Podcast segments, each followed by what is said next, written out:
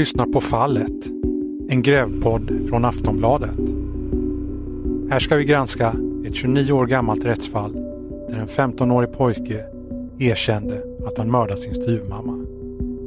Vi ska ställa oss frågan, var det rätt person som kom att dömas för brottet? Jag heter Anders Johansson. Det här är nionde avsnittet. Missa inte de tidigare.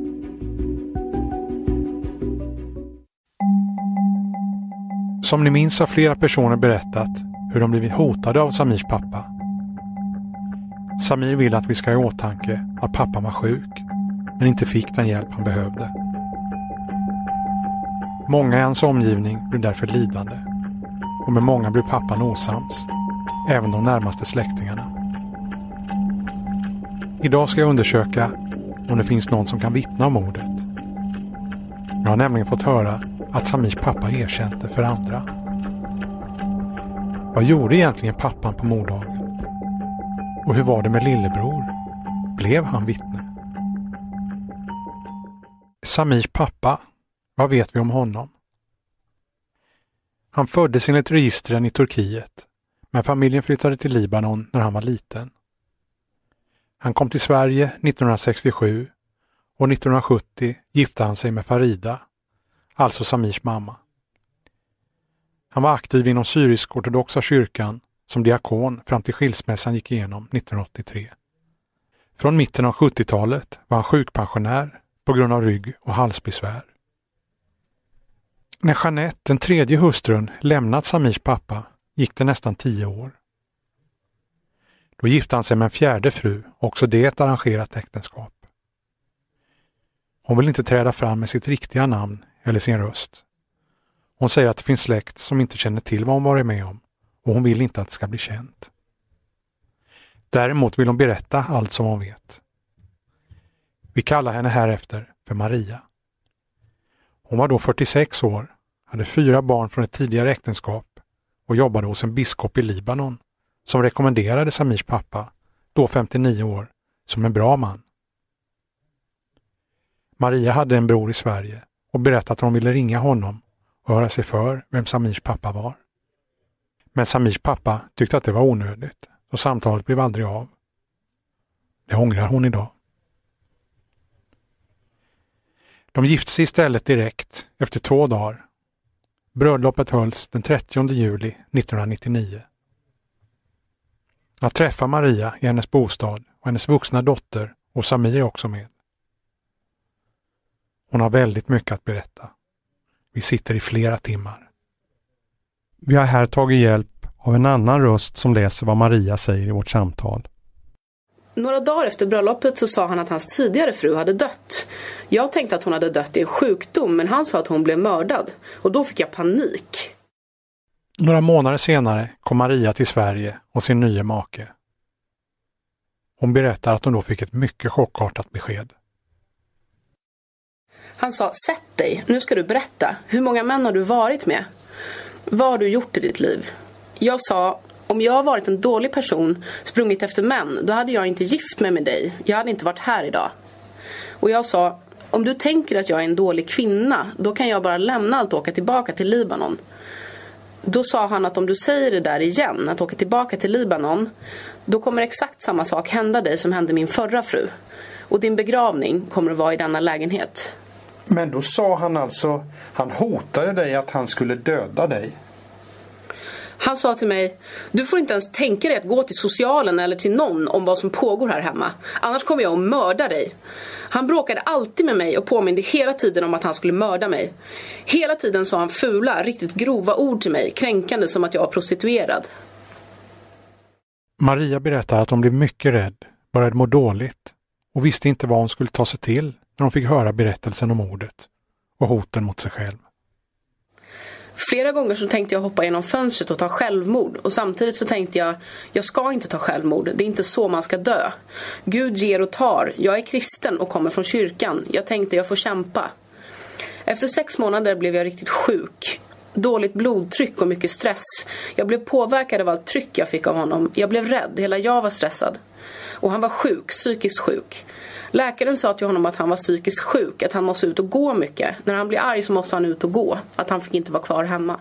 Den minnesbild Maria har av berättelsen om mordet är en annan än den som framgår i utredningen. Maria säger till exempel att Samirs pappa berättat att han var ensam hemma när han begick mordet. Maria berättar att äktenskapet inte blev särskilt långt. Hon säger att det var som att leva i en skräckfilm. Hon säger att hon inte fick gå ut. Hon var tvungen att ha persiennerna neddragna. Hon fick inte släppa in någon. En gång kom en kusin till mig och knackade på. Hon är en äldre dam, men jag vågade inte öppna.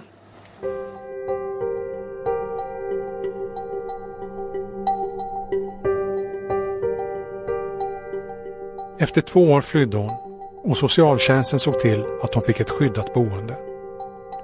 Hotbilden bedömdes så allvarlig att både Maria och barnen också fick sekretessmarkerade personuppgifter, hemlig identitet.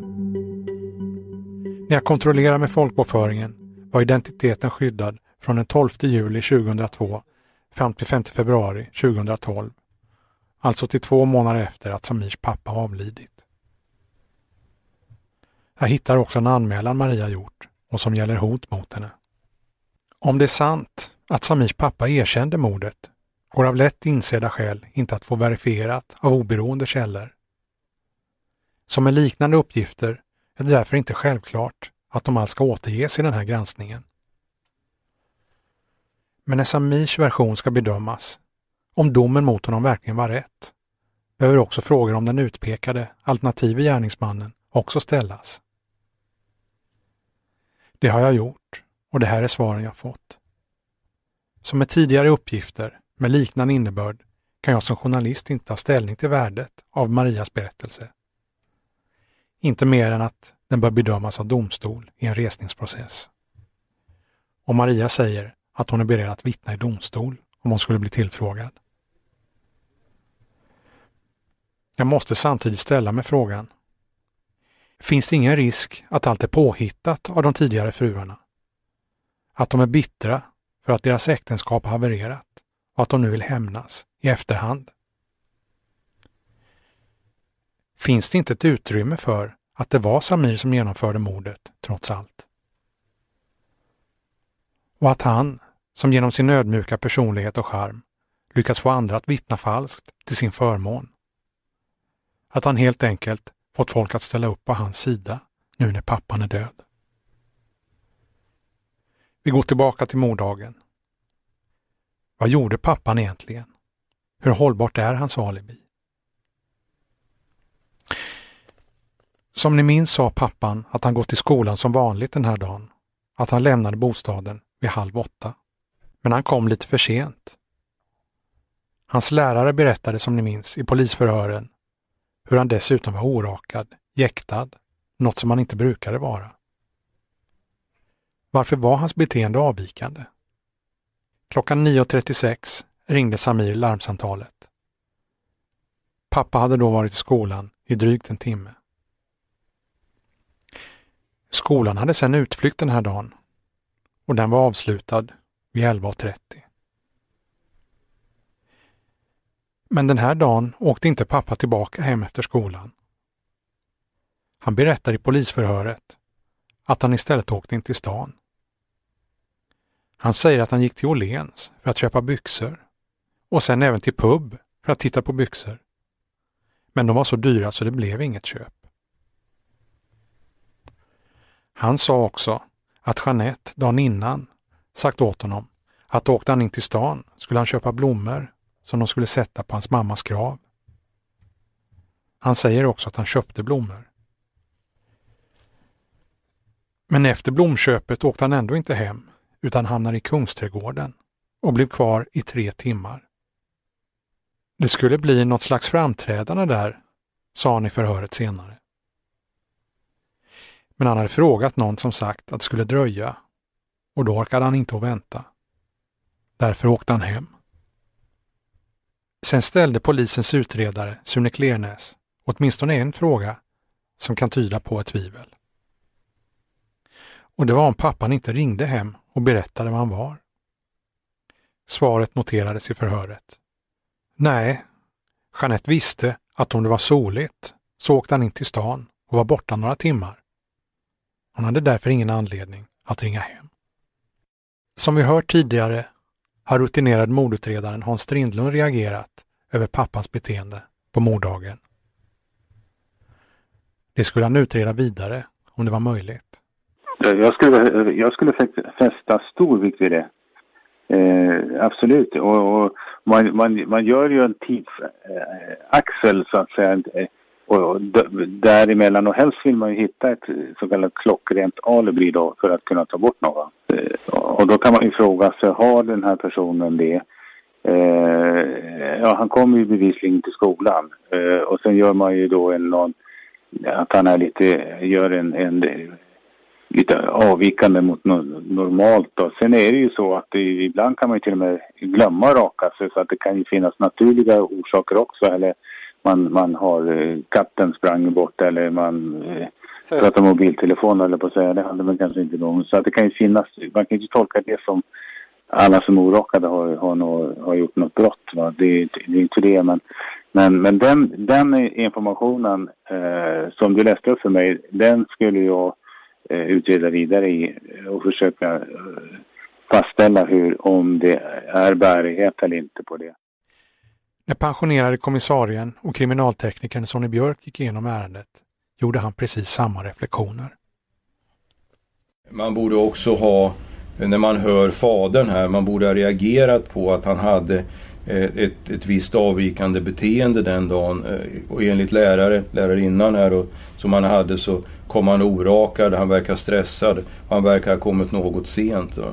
Och det är sånt som också, man, när man hör det, när man hör eh, lärarinnan så borde man också reagera på sätt att det här är kanske lite grann avvikande från normala.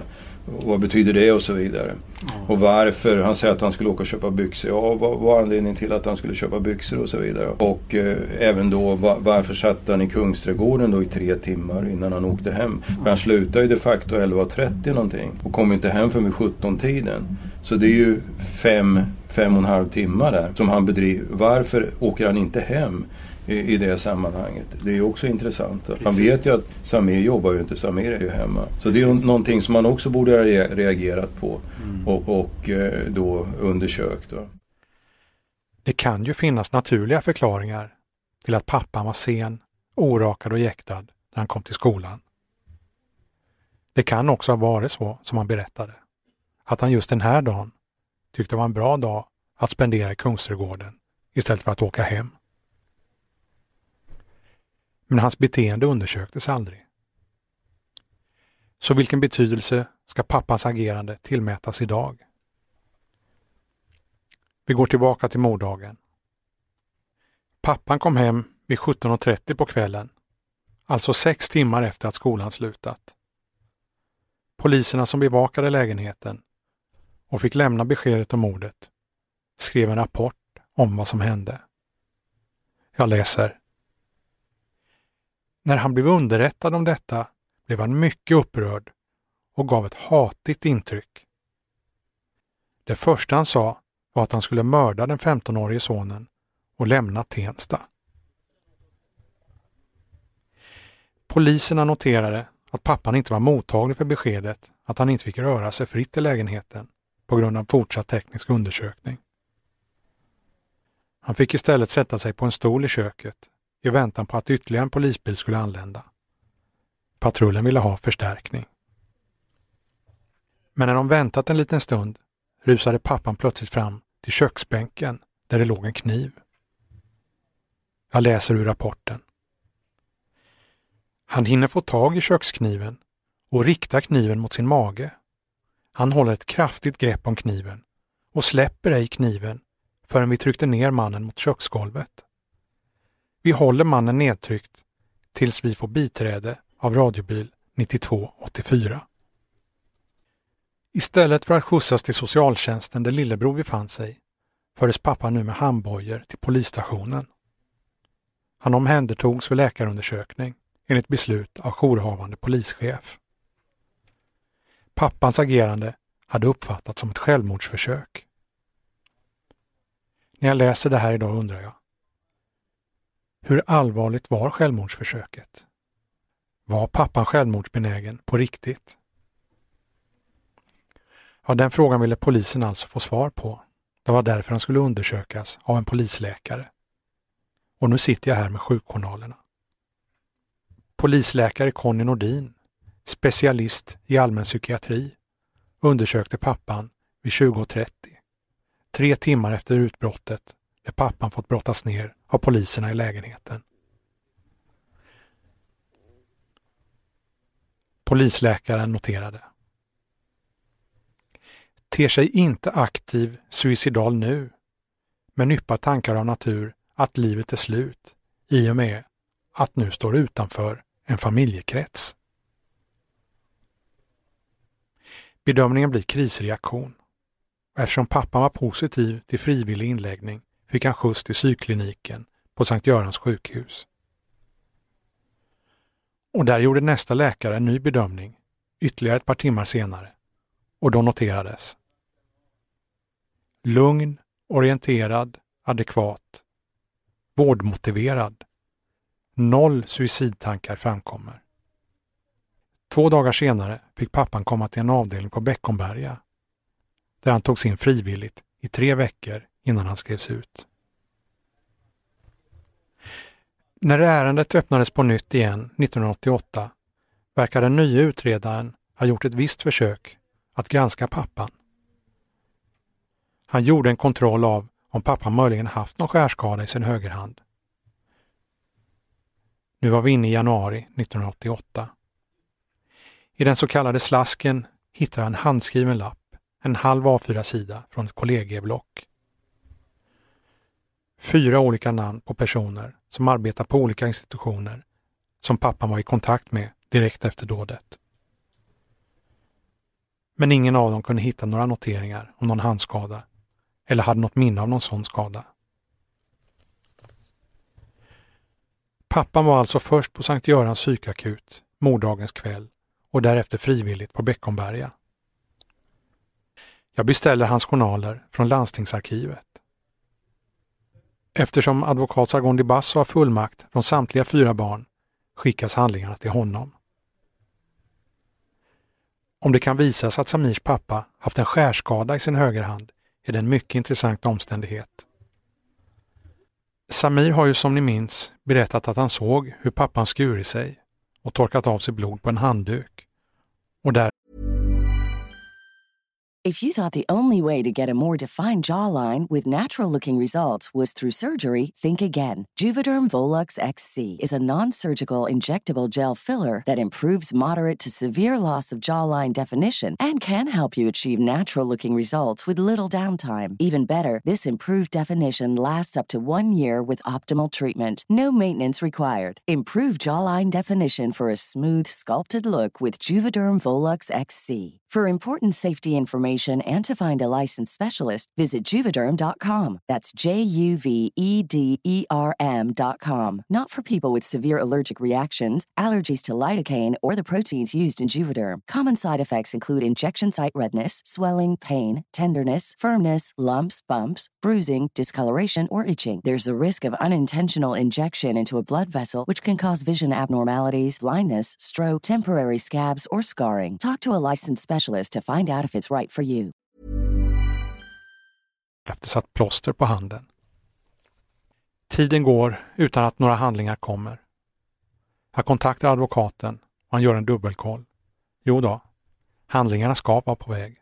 De skickas med rekommenderat brev och måste lösas ut på ett utlämningsställe. Spänningen är närmast olidlig. Sen kommer beskedet. Sargon De Basso ringer. Jag har fått ut journaler och jag kan inte säga att det är ett fullödigt material för det första. Jag kan, inte, jag kan inte svära på att det är precis alla journalhandlingar som finns att tillgå eh, från den här tiden. Eh, men det är ett arkiv som jag har kontaktat som har förvarat visst material och med ledning av det materialet så kan vi inte fastslå att den typen av skärskada har behandlats åtminstone av läkare på någon institution. Uh, inte, inte utifrån det materialet som vi har. Så att inte heller i, i uh, i den delen, det spåret, har givit vid handen något form av liksom, någon träff eh, som kastar ljus över gärningsmannaskapet heller. Utan det liksom är kategorin spår som är en återvändsgränd. Och det får man räkna med i ett sånt här sammanhang att allting eh, Eh, är inte som jubel och klang. Va? Att, man, att man bara dansar sig igenom ett resningsärende. Utan det är flera stickspår som kommer att leda till en återvändsgränd där man bara säger att vi kommer inte längre med den här teorin och då får man liksom uh, släppa det helt enkelt. Jag funderar lite på innebörden av det Sargon Di Basso sagt och slås av att han dragit en slutsats som jag tror är typiska för advokater med huvudet på skaft. Han säger att frånvaron av noteringar om handskador inte alls är detsamma som att pappan saknat skador i sin hand. Vilket var den första tanken jag hade. Sargon de Basso säger istället att innebörden egentligen bara är att det inte noterats att några sådana skador har behandlats. Och så kanske det är.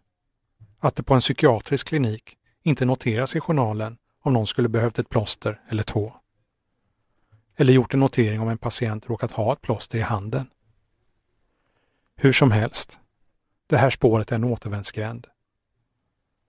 Jag måste släppa det och söka vidare. Jag fortsätter samtidigt att beta av namn på en lång lista av personer som kan ha något att berätta. Bara några dagar innan vi ska spela in det här programmet ringer en person som jag hittade tidigt i materialet. En av sönerna i familjen där lillebror fick bo från mordagen och närmaste tiden därefter. Han heter Bahattin och var som en bror till både Samir och lillebror. Och jag tror knappt mina öron. Vi har ersatt lillebrors namn med ett pip. Vilken är den tydligaste minnesbilden du har från den här dagen? Det var när jag såg hans pappa komma gående med matkassar i handen. Och... Eh, för jag hojtade till att vi går och hjälper din pappa, eller det var, det var min bror, att vi går och hjälper eh, pappa. Eller, för jag vet att jag hojtade till någon. Det var ingen som reagerade, men jag sprang och hjälpte honom. Och det här är alltså då på eftermiddagen? Ja. På morddagens eftermiddag? Ja. Jag kommer inte ihåg hur mycket klockan var. Jag vet bara att vi var på skolgården. För man kan se från skolgården, man kunde se vägen som gick från, som kom från centrum mot hem, mot, mot Samir och deras eh, hem då den vägen man kunde se från skolgården. För att det går som en backe ner och sen som en backe upp igen. Jag, jag själv har blivit påkörd just på den vägen så därför kommer jag ihåg den vägen väl. Så att, eh, så att eh, då såg jag honom komma gående. Och då hade inte jag vetat någonting om det vad som hade hänt. Nej, just det. Och då skulle jag hjälpa honom med kassan och han var han var ganska han var relativt lugn men ändå spänd på något sätt. Så att uh, då skulle jag hjälpa honom med kassan för jag kommer ihåg att jag tog kaffe på hans hand och han liksom gjorde lite min i ansiktet. Han... Sen jag skulle ta, ja, sen skulle ta kassen från hans hand då såg att han, han var skadad i handen. Han var skadad i handen? Ja. Men jag reflekterade inte över vad som hade hänt eller något sånt. Jag såg bara att han var skadad i handen. Hade han... Han hade, så, så som jag minns så hade han plåster. Och så gjorde han som en min, som att han hade ont då menar du? Ja. Ja. Så när han bar kassan och sådär. Men eh, först trodde jag att det var för att det var tungt eller någonting. Att han liksom, alltså, men sen när jag skulle ta kassan då såg jag att han var skadad. Då förstod jag att han hade ont. Så det, det minns jag mycket. För det, det är den som jag minns bäst faktiskt. Och när jag gick och hjälpte honom med kassarna. Den där, den, den där minns jag väldigt, och det, det har jag tänkt väldigt ofta på också. Det är du hundraprocentigt säker på? Från den dagen, va? Det är du hundraprocentigt säker på?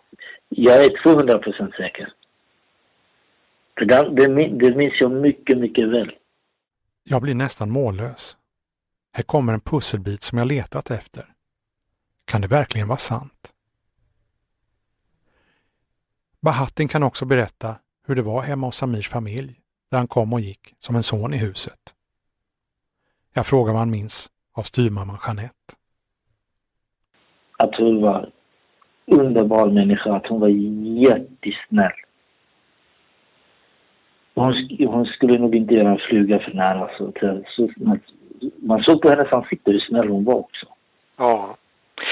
För det har ju sagts eh, att det har varit, att det förekom bråk mellan henne och Samir. Aldrig. Eftersom vi umgicks, jag går varje dag vi umgicks. Jag var hemma hos dem i stort sett varje dag. Så jag har aldrig, aldrig under denna tid har jag aldrig sett dem bråka. Inte ens säga ordet tyst till varandra. Det var alltså hemma hos Bahattins familj som lillebror fick bo från morddagens kväll och närmaste tiden därefter. I hela det här fallet är brodern kanske den allra viktigaste personen eftersom Sami sagt att han blev vittne till det som hände. Jag har upprepade gånger frågat brodern om han vill ställa upp på en intervju eller vill lämna någon kommentar. Men han har bara meddelat kort. Jag vill på inget sätt medverka. Jag har funderat över orsaken. Har han sett något annat än det Samir berättat om? Har han rent av sett att det var Samir som utförde mordet? Eller vad var det han såg? Lillebror vill inte svara. Men jag tror mig ändå veta vad det är han har sett. Han har berättat saker för minst två andra personer.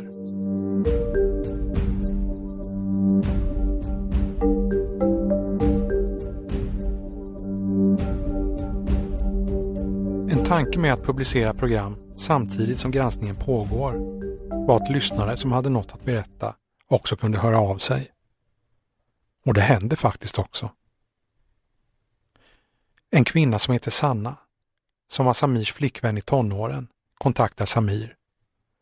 Hon har följt fallet och har väntat på att bli kontaktad. Men när ingen hört av sig ringer hon Samir och frågar. Och sen ringer hon mig. Jag trodde Samir kom ihåg sådana saker så det är därför jag, aldrig velat ringa och säga det för jag tänkte det är ju sånt glömmer väl inte han. Nej. Och nu när jag pratar med honom, han bara, men jag kommer inte ihåg någonting. Jag bara, va? Sanna har flera händelser att berätta om och vi bestämmer träff på redaktionen. Hon förklarar att hon inte känner sig så bekväm med situationen, men säger samtidigt att hon vill bidra med att berätta om sina upplevelser. Hon berättar först om Samirs pappa. Vi hör Sanna och Samir och hans fru Katja sitter med. Också här ersätter vi lillebrors namn med ett pip. Och sen en dag var jag på väg hem och det är en lång backe upp från min villa. Jag var där med att handla och Samir var hemma hos oss, min pappa. Och då ser jag en bil komma bakom mig sakta åker. Jag tänkte jag tittar back och jag ser det är hans pappa. Och då ropar han på mig och säger kan du komma hit för jag vill prata med dig. Han vevar ner rutan? Ja. Och vad heter det? Ja, så då backar jag några steg för jag vill inte stå för nära han heller. Och då vad heter det, säger han så här, ja, vad är Samir? Jag bara, jag vet inte, säger jag. Jag har ingen aning. Han bara, och vad, gud, ja, nej, jag måste tänka vänta. Jo men det är det han sa. Jag vill att Samir kommer hem och kommer inte han tillbaka ikväll, du vet mycket väl vad jag kan göra. Och då kommer jag skada både din pappa, din bror och dig. Så mm. du vet väl mycket väl vad jag är kapabel till. Så tänk dig för och akta dig, sa han. Så det var det. Hur reagerade du då? Nej, jag blev chockad. Jag sprang upp för backen hem till Samir och berättade allting och Samir åkte hem den dagen. Mm. När han sa att du vet vad jag är kapabel till. Ja. Vad menade han med det? Ja, jag vet vad han menar med det. För det han gjorde. Så det var oroligt. Att han hade mördat, mördat sin fru. Så. Och han var helt svart i ögonen när han tittade på mig. Jag har aldrig sett något liknande. Så. Det. Din pappa träffade honom också? Nej, min pappa träffade aldrig honom. Han aldrig, ja, nej. Och inte pratat på telefon nej, heller? Nej. Men jag berättade ju allt. Samir berättade allt. Men min pappa var aldrig orolig på det för han ville ändå ta därifrån. Han ville ändå liksom... Din pappa ville att lillebror skulle... Ja, lillebror ja. ja. Att han också skulle komma och få bo med Ja. er? Därför att? För att eh, ta bort honom härifrån för att han var rädd. Jag vet ju att du sa till mig ofta att ni låg och sov med basebollträ under sängen. För att ni var rädda. Och det var många gånger som vi fick åka hem när din pappa ringt till mig och sagt Kommer du inte hem så händer det. Och då fick du ofta, ofta åka hem de gångerna. För att ingenting ska hända. Man var ju orolig. Och sen vill inte du lämna ensam ofta heller längre. Där hemma. Så det var ofta Samir åkte hem för lillebror. Sanna berättar också om ett möte med lillebror en kväll i Tensta. En tid efter att Samir blivit utskriven från Ångbro och kort efter att Samir tagit tillbaka sitt erkännande men inte blivit trodd. Samir frågade då Sanna om inte hon kunde prata med brodern och be honom hänga med till polisen och berätta.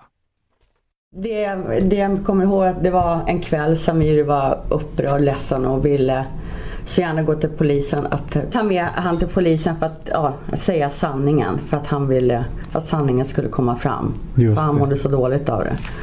Och lillebror var den enda som visste. Som vet sanningen liksom, kan säga det. Så då tog jag honom åt sidan och gick iväg med honom. För att eh, Samir bad mig göra det om jag ville. Och det sa jag. Mm. Ni träffades någonstans? I i centrum, Tensta centrum en kväll var det på kvällen. Just det. Och då gick jag iväg med honom så att jag ville prata med honom och han sa okej och så gick vi iväg. Och så började jag prata med honom om det här. Om han, ja, hur han kände eller att han vågade göra det och kunde göra det. Han ville göra det. Men han var så rädd så han började grina och han fick panik. För att han sa att eh, han kommer att döda oss båda. Pappan. Eller eh, pappa. Så han sa jag, jag, vågar inte. Och då började han grina och så fick han panik och det tog typ en timme att lugna ner honom. För att då stannade jag där. Så. Men det handlade om alltså, vad var det han skulle berätta? Det han såg, Och vad var det han hade sett? att hans pappa var det som dödade hans mamma, styvmamman. Han sa det till dig? Ja, Att det var pappan ja, som... ja gud ja. Men han vågade inte, han fick panik för han sa han kommer döda både mig och Samir. Om man skulle berätta Ja, det vidare ja, för polisen? Ja, för att han var jätterädd. För sin pappa. Samir hade i praktiken flyttat hemifrån och bodde då mest hemma hos Sanna. Samir, du ville ju aldrig vara hemma hos din pappa när vi blev Mm. ihop. Du flyttade nästan hem till oss i Flystad med min pappa och min bror. Så där var du mest. För att du, min pappa visste allting. För Samir hade berättat allting för min pappa. Vad som hänt och allting. Så min pappa ville att Samir skulle bo där men min pappa ville också hämta Men det, det gick det för då blev Din, det din pappa ville alltså att... ta därifrån också. Ja, Men eh, det, väl inte så för att då kommer han kanske skada mig, min pappa, min bror. Hans pappa. Som han har ju sagt att han skulle göra det till mig. Sanna berättar också hur hon såg vad Samir tidigare berättat för mig. Att både han och lillebror var så rädda för sin pappa att de beväpnat sig med både kniv och baseballträ och lagt under sängen. Du var hemma och var inne i lillebrors rum också? Ja, det var jag med Samir. Vi var där och för Samir skulle hämta några kläder. Någonting och då gick vi in i rummet för de delar rum. De hade ju ett rum ihop. Så stod det en säng så här rakt vid dörren och sen vid fönstret var det en säng så. Vad jag kommer ihåg. Och tror jag sov här vid dörren. För det var skyddat eller att han kunde om det kom någon. Och det var där han hade kniven under madrassen och sen han visade mig dem och sen basebollträ under. Han visade dig alltså? Ja. Och han sa, jag bara, varför ligger det där? Han sa det är därför jag är rädd. Jag är rädd för... Ja, rädd för pappa. Jag, jag, jag klarar inte det. Och han, det var därför han förstod att han ville ha Samir där. För att eh, när Samir är där då sover han. Då behöver han inte vara rädd.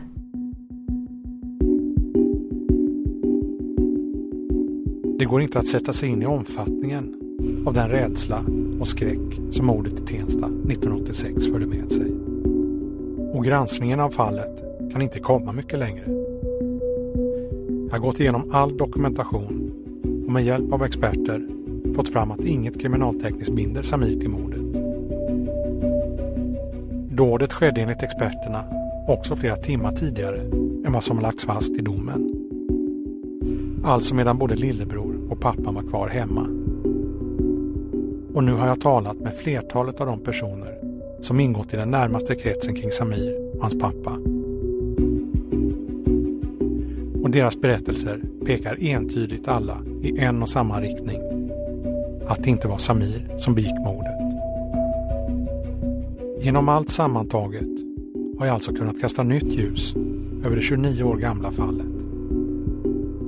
Men vad händer nu? Vad gör advokaten? Finns någon mer som kan berätta? Och hur går det med den sparade tekniska bevisningen? Det ska jag undersöka i nästa veckas avsnitt av Fallet.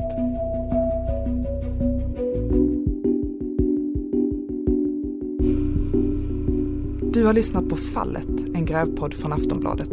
För mer information och extra material, gå in på fallet.aftonbladet.se.